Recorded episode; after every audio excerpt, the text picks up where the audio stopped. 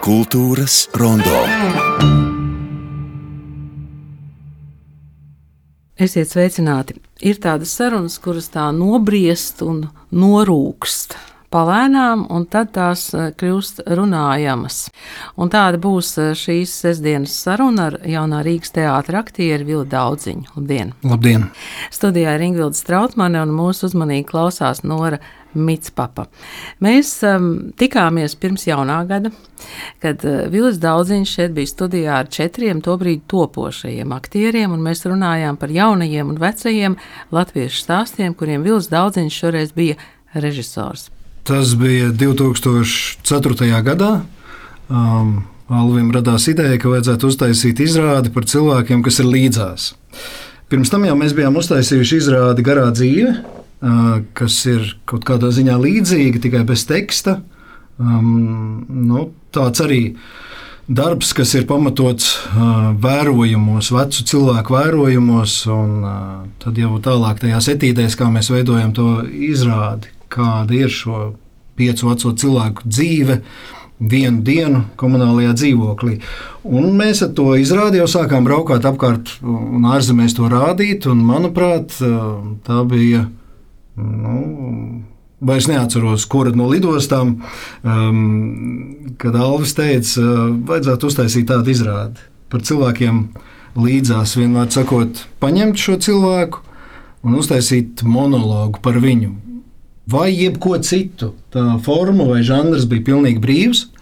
Gluži vienkārši vajadzētu mm, mēģināt mm, nu, šo cilvēku padarīt nu, poētisku, kā lai pasakā, pārvērst šī cilvēka stāstu poētiskā stāstā. Nu, uzdevums diezgan grūts. Nu, ļoti grūts, tāpēc ka mēs neko tam līdzīgu līdz tam nebijām darījuši. Arī nekādi jēdzīgi mm, žurnālisti mēs nebijām. Pareizi uzdot jautājumus, ko tad tas cilvēks teiks. Un es piedzīvoju vairākus fiasko, jāsaka, meklējot savu varoni, līdz beigās nonācu pie sava autobusu šofera, kas man bija pilnīgi veiksmi, jo viņš izrādījās cilvēks, kuram nekas nav jāprasa. Viņš bija cilvēks, kurš bija nocieties pateikt visu, ko ir man, izdomājis, sēdēdams viens pats pie autobusu stūres. Un, nu, tā patiešām bija veiksme. Nu, mēs spēlējām tās izrādes. Nu, tā tehniski jau tas notika. Um, bija intervijas, un tās bija vairāku stundu garas. Tad mēs vienkārši reizi vai divreiz mēnesī, vai citreiz biežāk satikāmies, atkal pārstrādājot tekstu, runājām viens otram priekšā. Mm, pēc tam strādājām atkal individuāli. Tas ir ļoti patstāvīgs darbs, un tā tas bija arī jauniešiem šajā gadījumā. Bet eh, garā dzīve bija bez teksta, vai ne? Jā. Garā dzīve bija izrāda bez teksta. Nu, lūk, un pēc tam radās stāsti, un pēc tam jau sekoja tur eh, diezgan fatāli stāsti. Tur bija gan uh, kapu svētki, gan zilā kalna mārta. Ko jūs kapsvētki, tas ir ļoti smieklīgi. Tas bija ļoti smieklīgi. Nu, labi, latviešu mīlestība, kas jā, arī bija jautri, vai ne? Vectēvs. Vectēvs, kas bija Vilim, jā. Kultūras rondo klausās. Un pa šo laiku ir tik daudz kas noticis. Ir sācies karš Ukrajinā. Ikdienu mums nākas sastapties pašiem ar savas atmiņas, emociju, naida, piedošanas sajūtām un ar to savu personīgo attieksmi pret ielu nosaukumiem un pieminekļiem, un jaunā Rīgas teātra repertuārā joprojām ir Viļa daudziņa monoizrāde Vectēvs. Top filma par dziesmu svētkiem, zeme, kas dzied, un Vils Daudziņš to iemūžina zīmējumos telefonā, un dažas ir iespējams redzēt.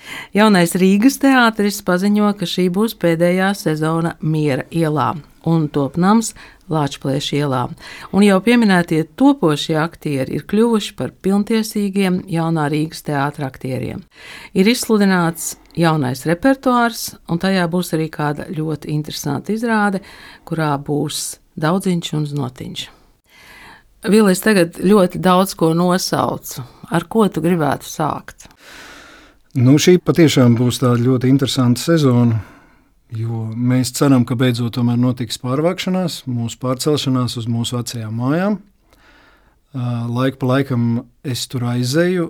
Mani uzaicina Zaiga Gaila un arhitekta. Mēs skatāmies, kā tas viss virzās uz priekšu un kā tā māja iegūst aizvien skaidrākas aprises un katra telpa un tās telpas funkcija. Izmērs, un gaisma, un logi, un sākot jau no zālēm, kas tagad būs trīs, beidzot ar tehniskajām telpām, kas arī pagrabā ir samērā lielas. Būtībā tur apakšā ir izrakta vesela pilsēta. Tad tāds ļoti liels tas pagrabs ir. Bet tik un tā liekas, ka nu, dzīvot vajadzēs diezgan pašauri. Nu, protams, tas ir arī tāpēc, ka mūsu trupa ir kļuvusi divreiz lielāka. Uh, bet nekad nav tā, ka vietas pietiktu. Es domāju, parasti tas attiecas uz dekorācijām, un to zina katrā teātrī, ka aizvien jauna un jauna un jauna izrāde nozīmē aizvien jaunas sienas un grīdas un vēl dažna dažādas mēbeles, kas krājas, krājas, krājas. Ja to izrādi nenoņem no repertuāra, tad tas ir tāds nebeidzams stāsts. Un, ja izrādi noņem no repertuāra, kas notiek ar dekorācijām? Nu, tad tos sadala reizinātājos, to, kas ir izmantojams, noliek tādā noliktavā, kas ir neatskārstai vajadzībai, vispārējo kaut kā likvidēt droši vien. Tad tā sajūta par Latvijas ielas māju un um, nākamā gada pavasari varētu būt diezgan optimistiska. Jā, es domāju, jā. Jo būvnieki un nekustamo īpašumu aģentūra ir nosaukuši datumu 11. marts, kad viņi dod mums nama atslēgas. Nu, ticēsim, ka tā būs. Nekas cits jau mums neatliek, tāpēc ka mums šobrīd repertuārs ir ieplānots tā, ka būs izrādes, kuras mēs noteikti. Mm, nu, kurām pirmizrāde notiks vecajā mājā, Mierielā, un tad ir tādas, kuras, ar kurām ir iecerēts atvērt jauno māju, kas nu, sagaidīs to mirkli, kad tas būs iespējams. Kas ir šobrīd tie aktuālie radošie darbi, kuros tu esi aizņemts? Nu, šobrīd, tūlīt pēc mūsu sarunas, iešu uz teātri, un tad mēs liksim kopā sarunu. Sacīsim, divu intelektuāļu Eiropas šobrīd visai spožu prātu, intelektuāļu divkauju. Jordans Petersons un Slavojs Žižeks. Es būšu Slavojs Žižeks un Kaspars Znotiņš būs Jordans Petersons. Tātad kreiso un labējo vai nu, tādu domu vai ideju sadursme, uzskatu sadursme, kas vienreiz jau bija notikusi dabā, Kanādā, lielā auditorijā. Viņi abi bija satikušies, bet būdami abi ļoti pieklājīgi cilvēki, nesagādāja skatītājiem to kautiņu, kuru droši vien skatītāji un klausītāji būtu gribējuši. Nu, lai tad noskaidrotu, kura no pieejām, vai marksistiskā, vai komunistiskā, vai, vai kapitālistiskā, mm, vai neoliberālā, kura būtu tā, kas dotu cilvēkiem visvairāk laimes. Nu, kas būtu tā formācija, kurā mums vajadzētu turpmāk dzīvot, vai mēģināt censties dzīvot? Kas būtu tie nosacījumi? Redz, šie abi kungi mm, ir ļoti asprātīgi. Un veids, kā viņi runā par filozofiju, ir aizraujošs. Nu, ja tā nebūtu, tad viņiem abiem nebūtu milzīgas auditorijas. Līdz ar to man šķiet, ka viss būs kārtībā arī ar mūsu izrādi, jo tēma ir ļoti svarīga un mūsu pašus abus divus, vai sacīsim, visus trīs kopā ar Alvi, tas ļoti interesē. Veids, kādā mēs eh, ikdienā eh, sarunājamies, Vai mums būtu kaut kas, ko mācīties no šiem intelektuāļiem? Jo es pati esmu pamanījusi, ka diezgan bieži es vienkārši nerunāju par kādām tēmām. Nerunāju par vakcināciju, nerunāju par karu, nerunāju par vēl par dažām lietām, piemēram, par reliģiju, arī par politiku. Nē. Es tagad tā diezgan krasi to pateicu, bet kā tas notiek ikdienā? Nu, piemēram, jūs teātrī, jūs ārpus izrādēm taču arī runājat par visu to, kas notiek. Nu, protams. Nu, protams, eh, nec mēs, nec teātris nav atrauts no tā, kas notiek eh, pasaulē vai pie mums. Skaidrs, un laika pa laikam mēs uh, gan runājam savā starpā, gan pārsūtām saites uz interesantiem domātājiem vai runātājiem, provokatīviem tādiem vai citiem, un lasām, un tad atkal pārspriežam. Protams, daudz no tā arī ietekmē sacīsim, izrāžu izvēli vai to tēmu izvēli, par kurām mums gribētos taisīt izrādes, nu, kā piemēram, nezinu, vēstures izpētes komisija. Nu, ja nebūtu vērti vaļā maisi, droši vien nebūtu arī šādas izrādes. Ir cilvēki, kuri dzīvo sociālajos tīklos un saceļ tur arī vētras. Nu, piemēram, Ausmas Hermanis diezgan bieži pasaka kaut ko tādu, ka tad tur rodas gan bloķētāji, gan draugi, gan atbalstītāji. Un ir cilvēki, kur nedzīvo sociālajos tīklos. Vili, tu esi no tiem, kas nedzīvo. Kāpēc, kāpēc tā tava izvēle ir sociālos tīklus, es nezinu, vai ignorēt, bet nebūt tur? Es domāju, ka tādā es gan pazaudētos pilnīgi un galīgi. Es jau tā neesmu pārāk disciplinēts un uh, pavadu mm, dažādos mm, ziņu kanālos, informatīvos kanālos, uh, YouTube ļoti daudz laika. Daudz pa daudz. Nu, es esmu drusciņš jau kļuvis no tā visa atkarīgs. No notikumiem Ukrajinā, dažādu ekspertu viedokļiem par ieroču sistēmām, par uh, ekonomiku, par gāzi, par ko tik visu ne. Uh, Un man šķiet, ka es lēnām sāku dzīvot nevis savu dzīvi, bet Ukraiņas dzīvi vai kaut kādu tādu virtuālu dzīvi, bet mana īstā dzīve pa to laiku aiziet, man īstie gadi aiziet, man, manas īstās sarunas ar īstiem cilvēkiem nenotiek. Tajā brīdī, kamēr es atrodos un lasu un klausos to, ko man runā tie vīriņi vai sieviņas no ekrāna. Vai tās lietas un tie notikumi, kas notiek pasaulē, ietekmē izrādes, e, kuras jau ir gatavas, kuras tiek spēlētas diezgan ilgus gadus, un konkrēti vectēvs, e, kuru tu spēlēsi vēl. Vai laikā, kad sākās karš, tā izrāde vai tā sajūta izrādē mainījās? Jā, noteikti. Nu, piemēram, tur izrādē ir teksts, kurus uzrunāja publiku un jautāja, nu, vai kāds ir redzējis tanku. Un, un, protams, viss tur smējas. Nu, vīrieši tā kā māja ir galva, jā, jā, viņi skaidrs ir redzējuši. Sievietes, nu, kā, nu, par kādiem tieši tur, tiem tankiem vai braucamajiem ir runa. Nu, un te es ņemos skaidrot, kāds izskatās tanks ar mm, kastroļu un vāciņu palīdzību. Tagad ir kaut kā pavisam citādāk. Visi tos tankus ir redzējuši. Visi ir redzējuši visdažādākos tankus, visi ir redzējuši šos skatus ar sadegušajiem tankiem, nurautajiem torņiem un salocītajiem stobriem un beigtajiem cilvēkiem. Citiem vārdiem sakot, pēkšņi man vairs nevajag iedarboties uz skatītāju iztēli tik ļoti, kā varbūt to vajadzēja darīt kādreiz.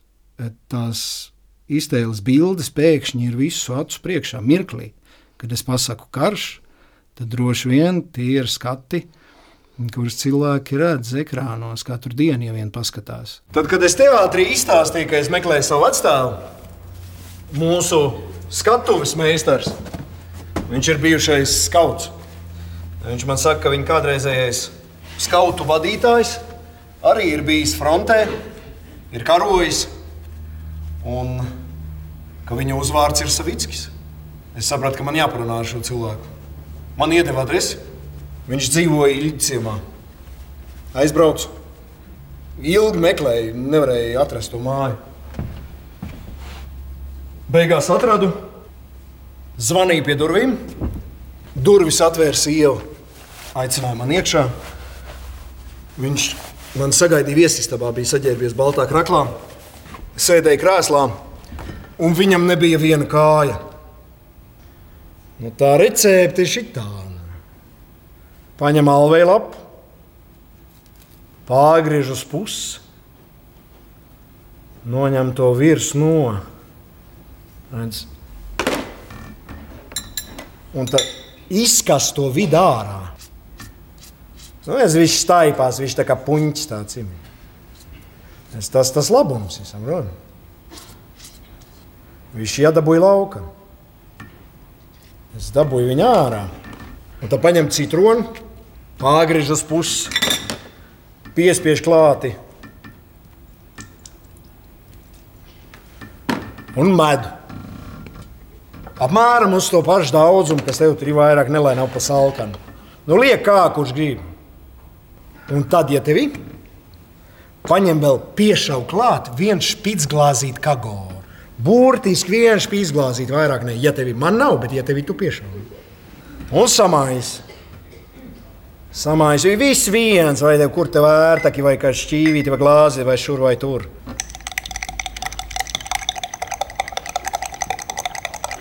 Es, nu, nav, nav viņš. Nav. Nav. Jāatstāj, lai sakožās. Ieliek leduskapī. Un tā katra rīta tukšā duša pa karotītē. Nebūs ne kleps, ne iezins, nekas būs vesels, tā kā rutkas, nekāda zāles nevajadzēs. Jo man pilna māja zāle, vajag tik pazīt, ne? Viss zaļš pieaudzis. No Alveja tu zini, kas man vēl te ir. Man...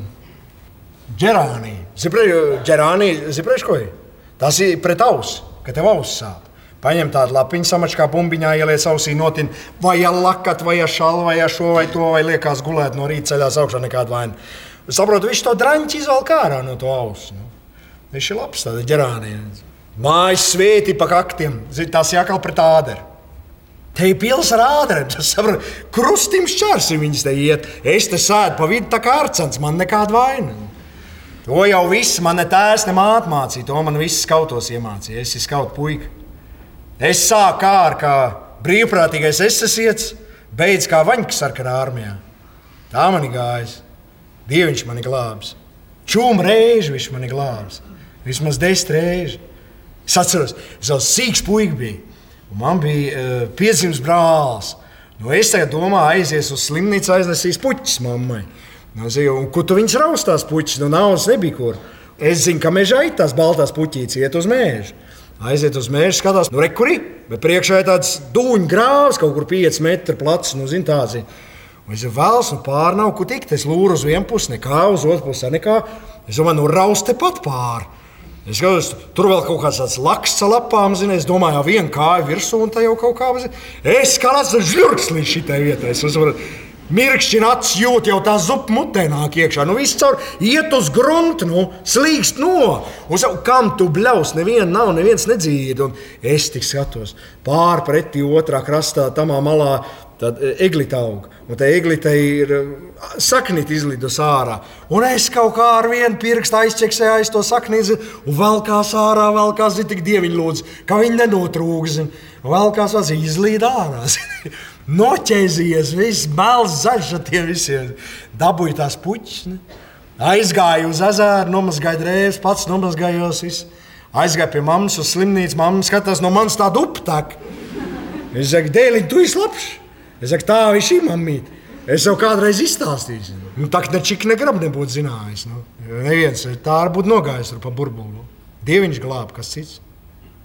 Jo reiz tā kā sākās viss tā šļūra, viss tas kārš. Es gribēju mācīties par lidotāju. Es biju skauts, mums bija Pitālsim bija aerodroms, un es tur gāju, pētīju, funkcionēju, skatījos tās lidmašīnas. Vienu otru reizi dabūju palidot. Planierī bija tāda finiera planiera tāda. Viņš ielika tev iekšā tāds kalpaks pāri. Un viņi ievēl, ka cita lidmašīnā ar gumijas trosi. Nu, es tā plenderējies, plenderējies pa to laukšu, tā plenderējies, uzraušu prīmā sajūta. Atnāca Krievija, aizklāpēja cietu visu to skautu padarīšanu, nodibināja tur savu Osaviju himu. Es uzreiz iestājos tajā Osaviju himā, jo tas jau arī tā kā uz aviācijas puses. Un dabūju to apliecību, un pēc tam tā apliecība man izglāba frontē. Bet pa priekšu kā ienāca vācieši, Mūsu trīs čāļus, kas mēs tur bijām, Himā, izņēma no klases ārā pa sodu, aizsūtīja uz Vāciju darbos. Jo skaitījās, ka tas Osavio Himī tā kā uz, nu, uz komjonāts puses kaut kas tāds. Bet zina, ar nekādu vainu. Es tur tajā Vācijā pie Hamburgas trāpīju pie viena reta sakarīga saimnieka. To saprotu, viņš man samācīja darbus, es samācījos valodu. Pa labu darbu viņš pēc gada man palika mājās.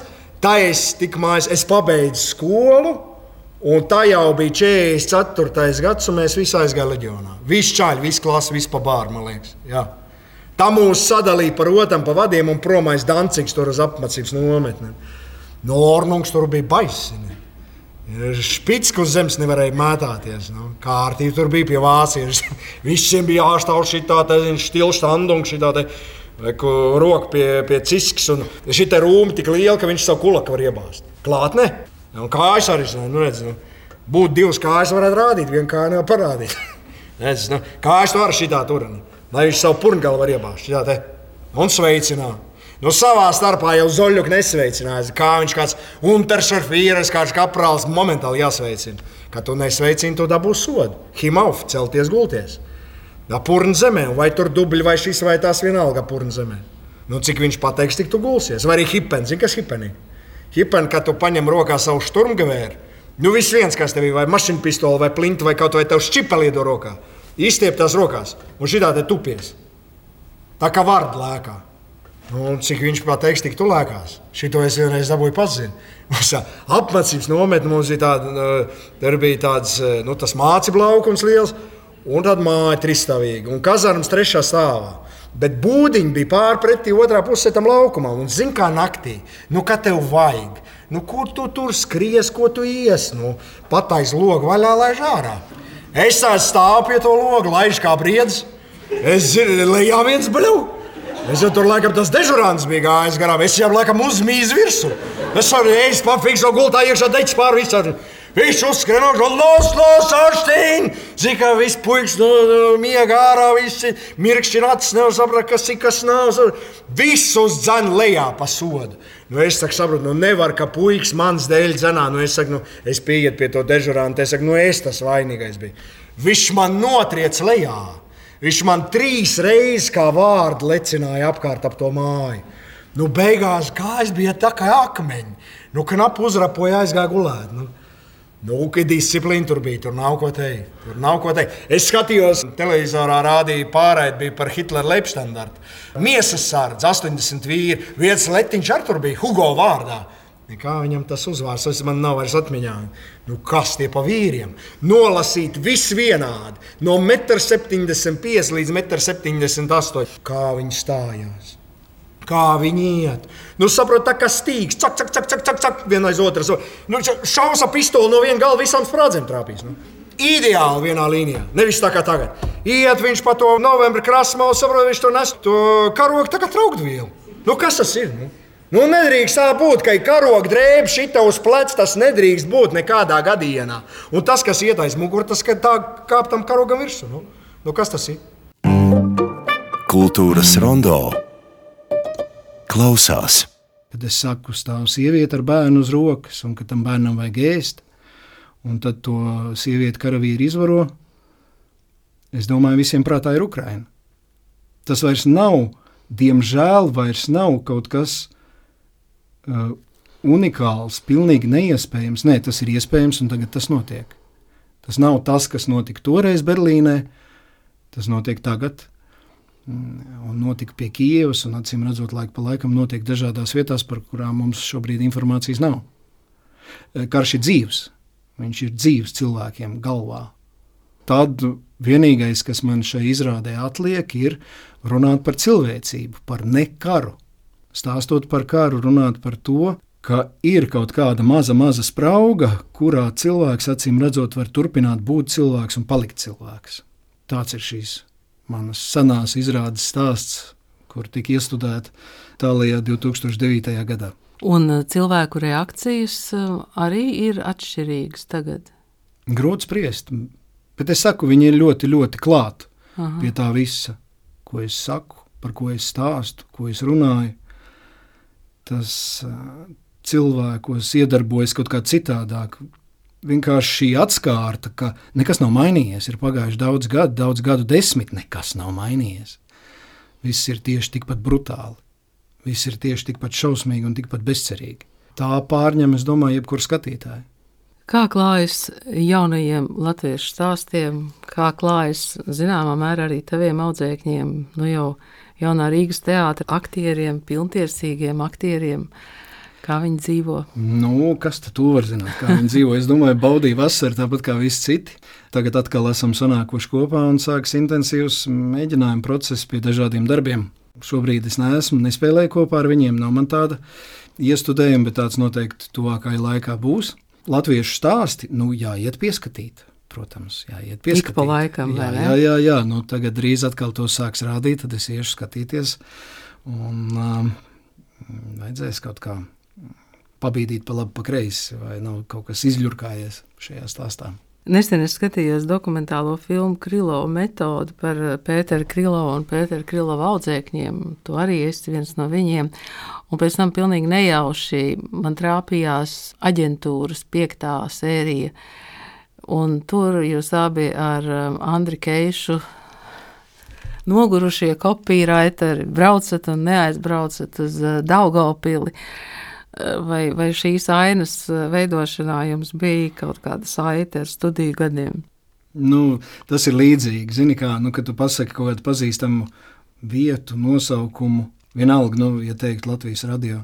Nu, tev tas kaut ko konkrēti nozīmē. Ja man pasaka Daugopils, protams, tas man, man nozīmē manu teātri, manu pirmo teātri, tas vienmēr būs mans pirmais teātris un neviens cits. Tieši tur es kļuvu par aktieru, tieši tur es nospēlēju pirmās divas sezonas, tikai tad aizgāju uz Dēli un tad jau beig beigās uz jauno Rīgas teātri. Jā, Daugopils tas ir īpašs stāsts. Tas ir studiju stāsts, studentu gadu stāsts un eh, tapšanas un veidošanās stāsts. Un arī stāsts par Pēteru Krilovu. Jā, protams.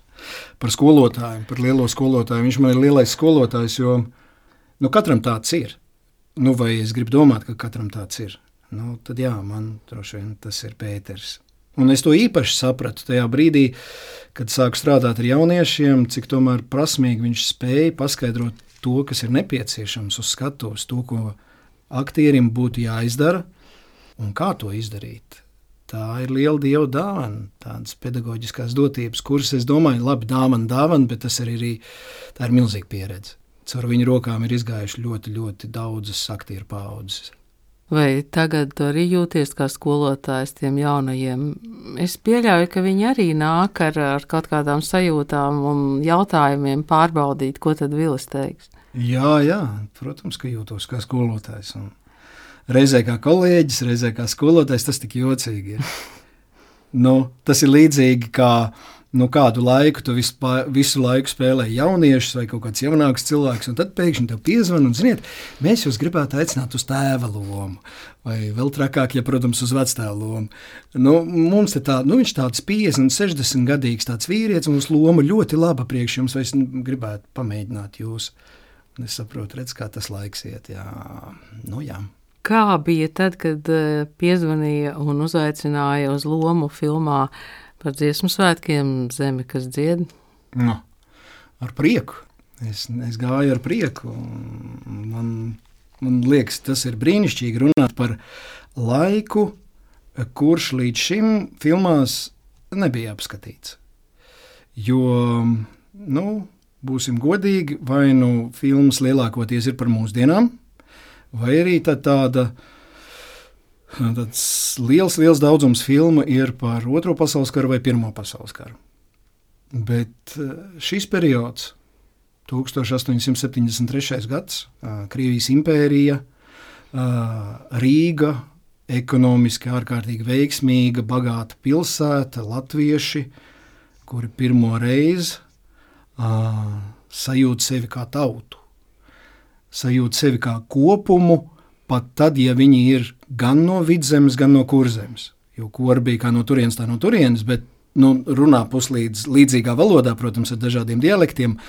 Pēkšņi šie cilvēki gan no vienas Daugavas puses, gan no otras Daugavas puses sajūt sevi kā lielu tautu un dzied vienu dziesmu. 1016 cilvēku ķēzardārza estrādē kāpj un dzied un iet pa ielu, un viss tas pulks lielais iet pa ielu, un vācieši, baltvācieši brīnās, un krievu žandarmi brīnās, un kas tik viss tur nebrīnās. Bet šiem pirmajiem vīriem, tostarp arī no manam varonim Bernhardam Dīriķim, kas bija Rīgas Latviešu biedrības pirmais priekšnieks, un tajā brīdī Baltijas vēstneša izdevējs, lūk šiem pirmajiem vīriem šis ambiciozais projekts izdodas neticamā, pilnīgi neticamā kārtā, ļoti īsā laikā. Turklāt vēl tas, šis projekts beig beigās izrādās finansiāli izdevīgs. Un viņi pat ir pat iespējams kaut kādā mērā uzlabot biedrības švakās finanses pēc šī notikuma. Es saprotu, ka ir paredzēts, ka filma eh, būs eh, gatava uz nākamā gada vasaru, kad ir eh, dziesmu svētku lielā gada diena. Bet kā tev ienāca prātā telefonā sākt zīmēt tos nu, personāžus? Nu, redz, man ir ļoti sarežģīts grims. Beata Rebauska, brīnišķīga grima māksliniece, bija izveidojusi tādu tā, tā, tā ir mati, tā ir parūka, ir bārda, uh, ūsas, bet redz, tie, man tie mati, nu man viņi ir tur, kur viņi ir. Tur, kur visiem parasti cilvēkiem ir, bet ko, konkrēti Bernhardam tie ir stipri atkāpušies. Nu, tātad, lai uh, iegūt šo efektu, vispirms uz galvas tiek uzlīmēta tāda uh, lateks cepurīte, tāda plēve, tad uz deniņiem, uz vieniem, uz otriem tas tiek uz, uzmanīgi līmēts. Nu, tad uz tā tiek likt mati, un tad tiek likts sūsas un bārdi, un tā tālāk. Īsāk sakot, tas viss ir apmēram pusotra stunda. Ja maiņa, filmēšanas maiņa sākas no rīta, tad tas nozīmē, jau kādos piecos no rīta ir jāsēž krēslā nu, un ar tevi strādā. Nu, lūk, garš laiks. Es kaut kā sāku zīmēt, nu, kaut ko švīkāt telefonā. Un vispirms es uzzīmēju, kā man grimē, kā man tur kaut ko līmē. Tad es uzzīmēju Andriu Puli, nu, viņa varoni, pareizāk sakot, Ainā Rančēviska varoni, un tad kaut kā tas sākās. Un tad e, tā, nu, tā vairs nebija notikuma fiksācija. E, citiem vārdiem sakot, mana zīmējuma galīgi neatbilst filmai. Vai arī nedaudz varbūt tikai atbilst. E, tas ir mans stāsts. Man ļoti gribējās iedot vārdu nezināmajiem dziedātājiem. Jo mēs zinām, ka bija cimze, mēs zinām, ka bija e, Indriķis Zīle, un e, vēl bija citi kora, mm, nu, kora diriģenti un tā tālāk. Un viņu vārdi ir fiksēti vēsturē.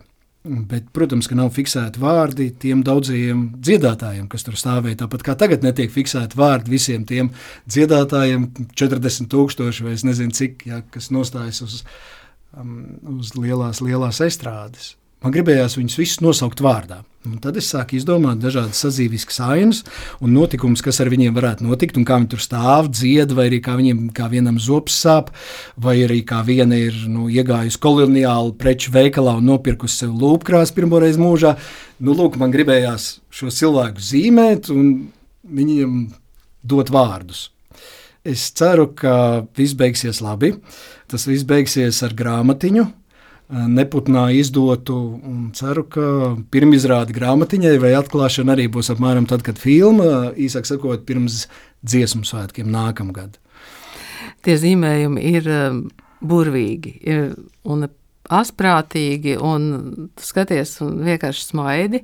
Jo, Ar šiem zīmējumiem padalījās savukārt sociālajos tīklos tavs ievzēna daudziņu, Un tāpēc mēs arī to vispār zinām. Bet um, man te ir jautājums, um, kāds bija tas laiks, kamēr Zana daudziņi rakstīja promocijas darbu? Nu, tagad mēs zinām, ka tagad viņi ir zinātnē doktori un uh, ir grāmata par aktieru runu. Bet kāds tas laiks bija? Tas bija tāds briesmīgs laiks. Nu, pirmkārt, tas bija pandēmijas laiks. Jā. Tas bija pandēmijas laiks, kur lielāko daļu mēs nodzīvojām laukos, uh, Vallē. Uh, mm, notika nodarbības Zumā, gan Zanē, gan man ar jauniešiem. Nu, vairāk gan viņai, protams. Nu, lūk, tāds jokains laiks.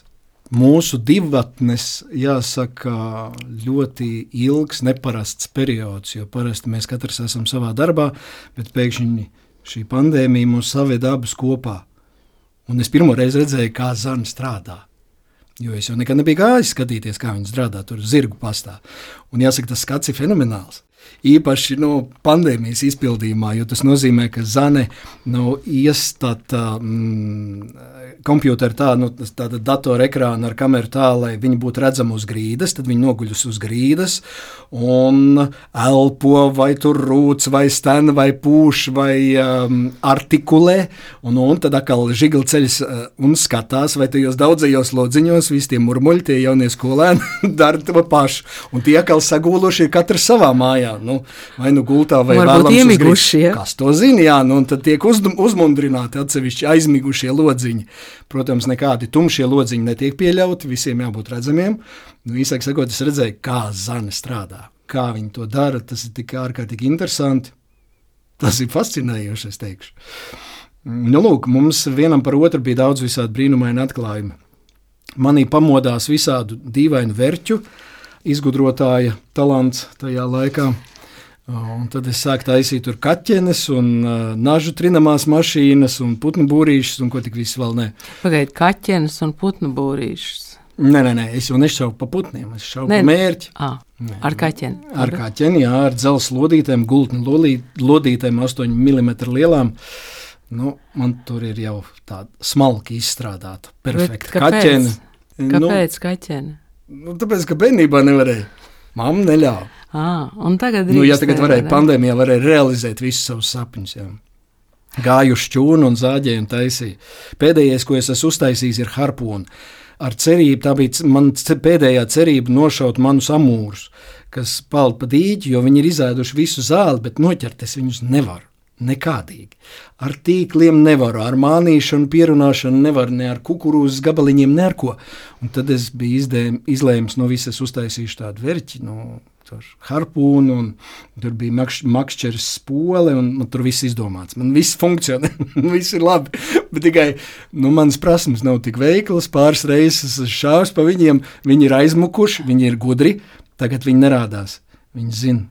Viņi slēpjas. Viņi slēpjas, jā, un viss cauri, un sakot, es savu, uh, savu iespēju atkal esmu zaudējis, tagad man jādomā ir nu, kaut kāda jauna metode, kā izvilināt amūrus no man dīķa. Es kaut kur lasīju, ka tu mācies arī spāņu valodu.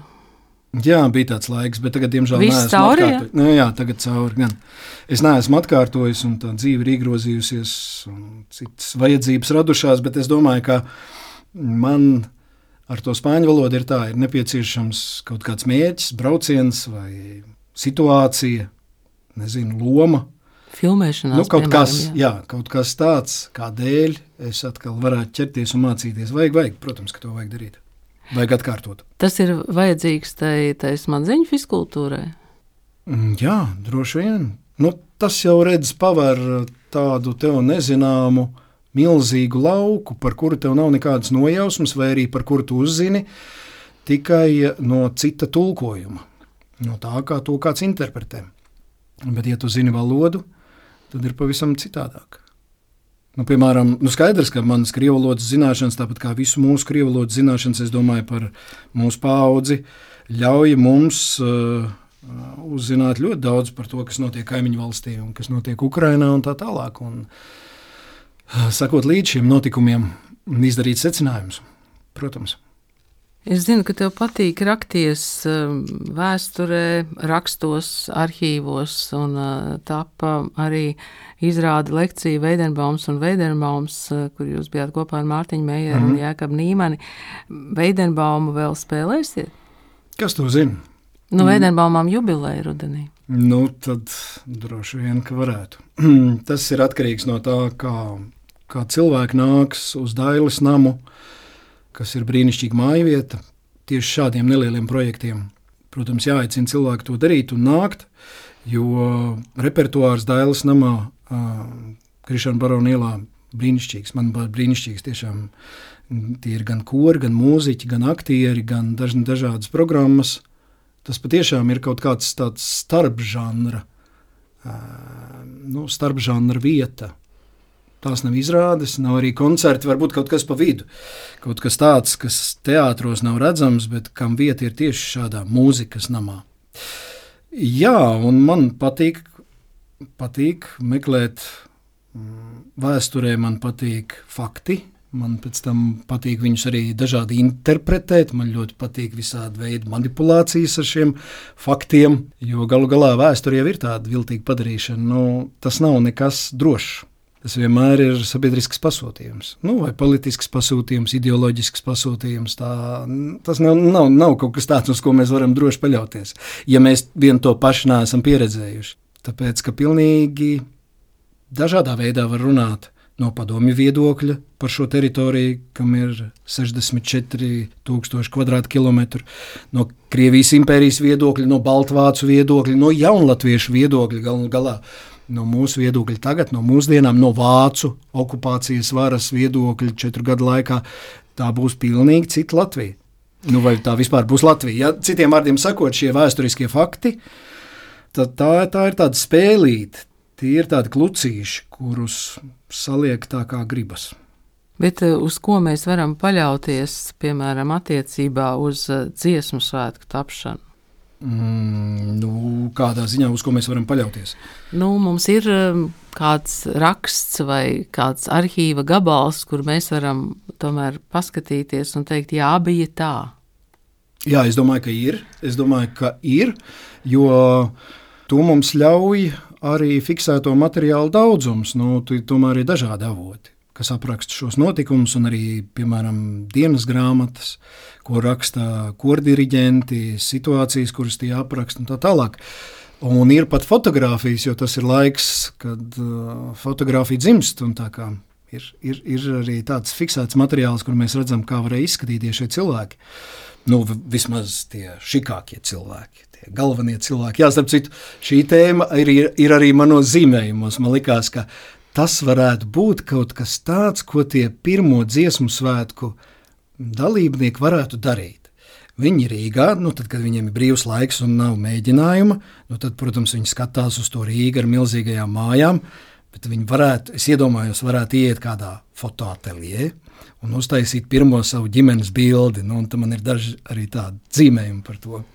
Kā ieiet iekšā, kā izvēlas fonu, piemēram, vai no ar palmām un tīģeriem var izvēlēties fonu. Cik nu tādi ir redzami? Nu, protams, jā. Vai arī alpu ainava, nu, vai arī kaut kas tāds romantisks, nu, tur tāda maza salūzusi būdiņa, sagruvusi pilsus, klints, līka prieda vai kaut kas tam līdzīgs. Nu, bija jau dažādi foni, ko izvēlēties. Nu, varētu- Nu, man patīk fantāzēt par to, ko viņi būtu varējuši izvēlēties. Jā, jā, mēs, eh, mēs paļaujamies uz kaut kādiem faktiem, mēs ņemam rakstīto materiālu, un no tā visa atkal mēs konstruējam kaut ko jaunu. Jo vienmēr jau ir tā, ka mēs veicam savu redakciju. Vienmēr un visos mūžos un visos laikos. Tieši tāpat jau bija arī ar vēstures izpētes komisiju vai jebkuriem latviešu stāstiem. Vienmēr intervija ir vismaz nu, tur četras stundas gara, varbūt tās ir vairākas intervijas. Un tad tu skatos, uzliec tekstu, to cilvēku, kurš to saka, un kurš tur dzīvo uz skatuves, un tu iedod viņam laiku, piemēram, 50 minūtes. Nu, tā tad visu pārējo tu kaut kādā veidā esi izgriezis. Tu esi tas, kurš uzskatīja, ka tas nav tik svarīgi. Tu izvēlējies tieši to materiālu, kas tev šķiet, ka vislabāk raksturo šo cilvēku, kuru tu spēlē uz skatuves. Tā ir tava interpretācija. Nu, līdzīgi ar vēsturi, vai ne? Zeme, kas dzied, ir jau nofilmēta. Vai... Lielākā daļa noteikti Lielākā jā. daļa, jā. Lielākā daļa, jā. Manuprāt, ir palicis viens filmēšanas periods, kas būs rudenī un visticamāk, ka naktīs. Jo mēs esam aktieri no visdažādākajiem teātriem, un tas nozīmē, ka atrast laiku, lai vairāki cilvēki no Dailas, no Nacionālā, no Jaunā Rīgas teātra, no Valmieras varētu filmēties visu pilnu dienu, un visi tā varētu. Nu, diez vai. Visticamāk, tās būs naktsmaiņas. Viegli tas nav, bet nu, ko lai dara. Tas mērķis ir tā vērts. Bet tā notiek. Es vēl par tiem aktuālajiem jautājumiem.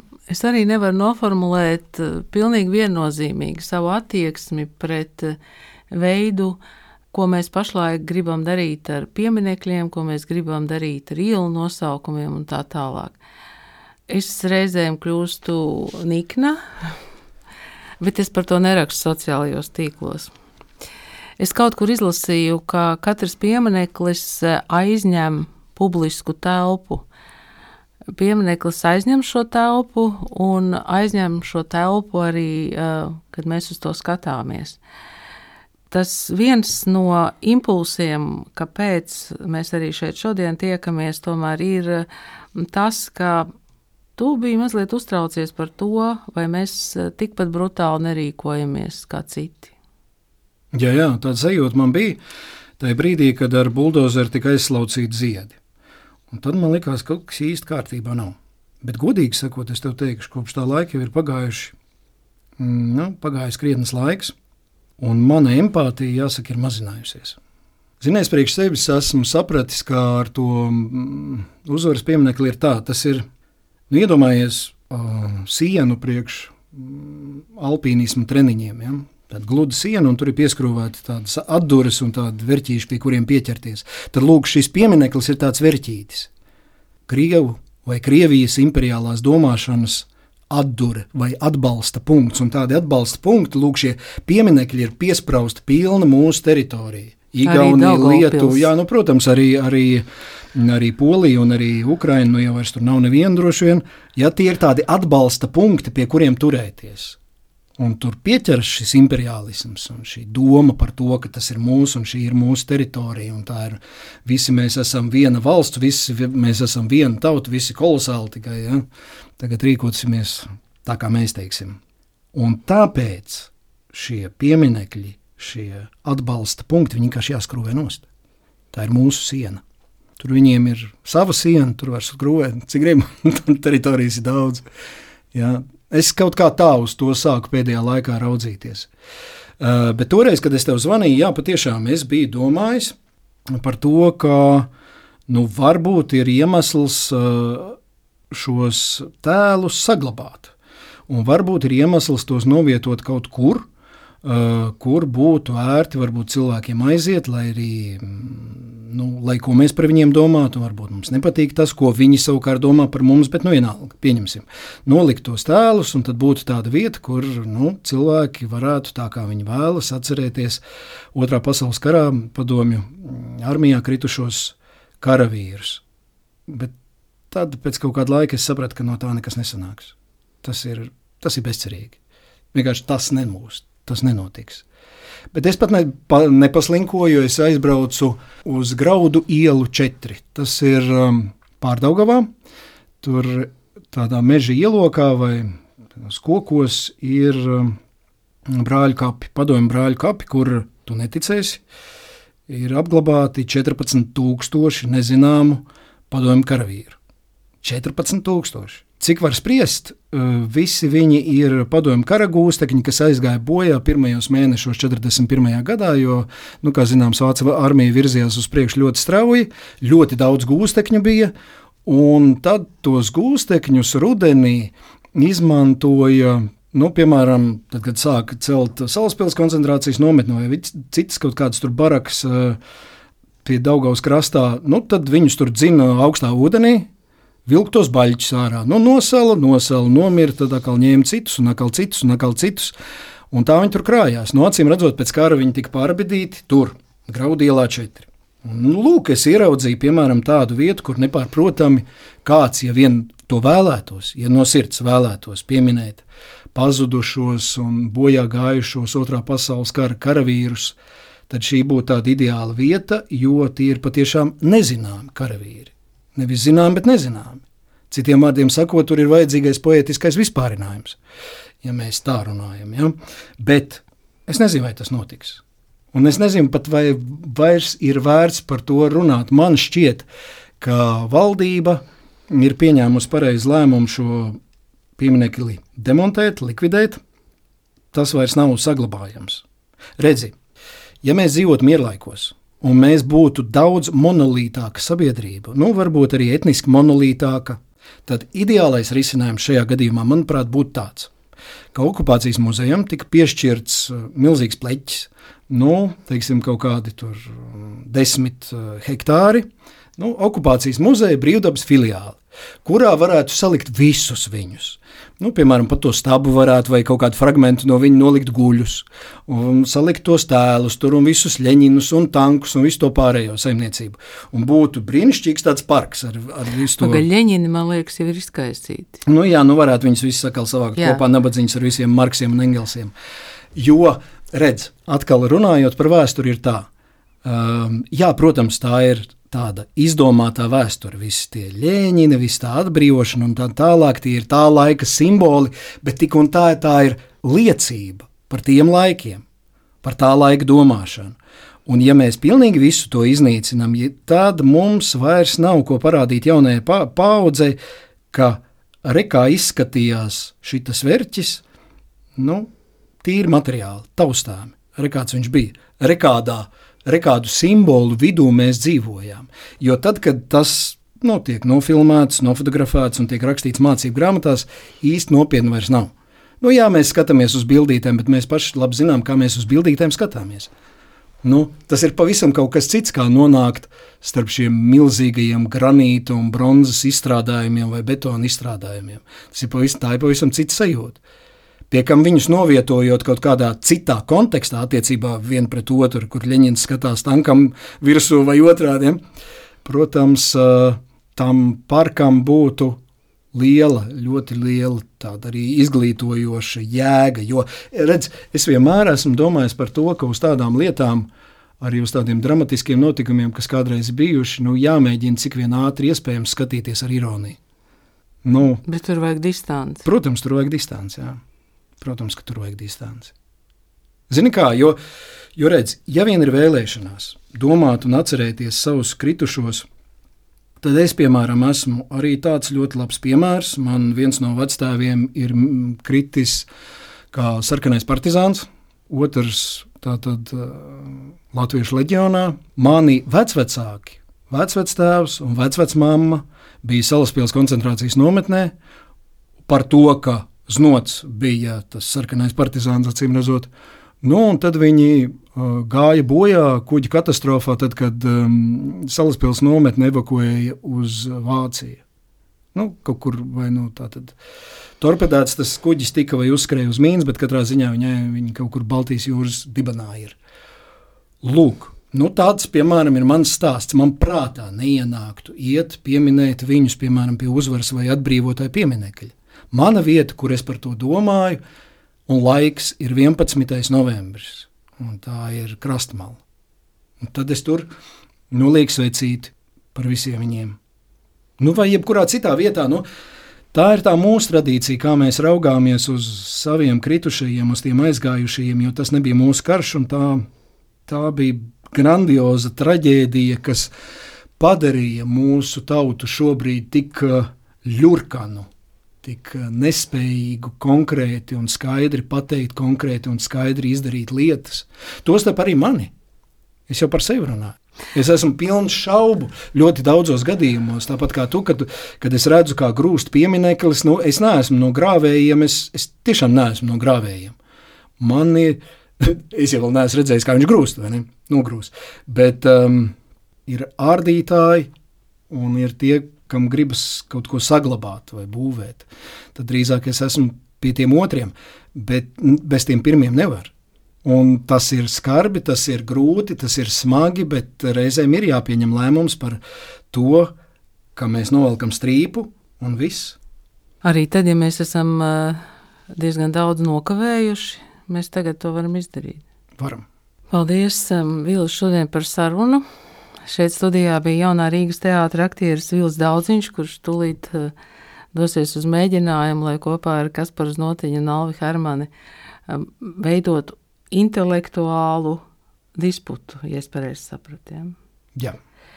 Un uh, mēs to skatīsimies. Es domāju, ka tas, ko tu pateici, ka mums ir tomēr kaut kādas uh, spraugas visā šajā dzīvē, kur saglabāt cilvēcību un veselo saprātu. Arī caur teātri. Protams. Paldies! Paldies!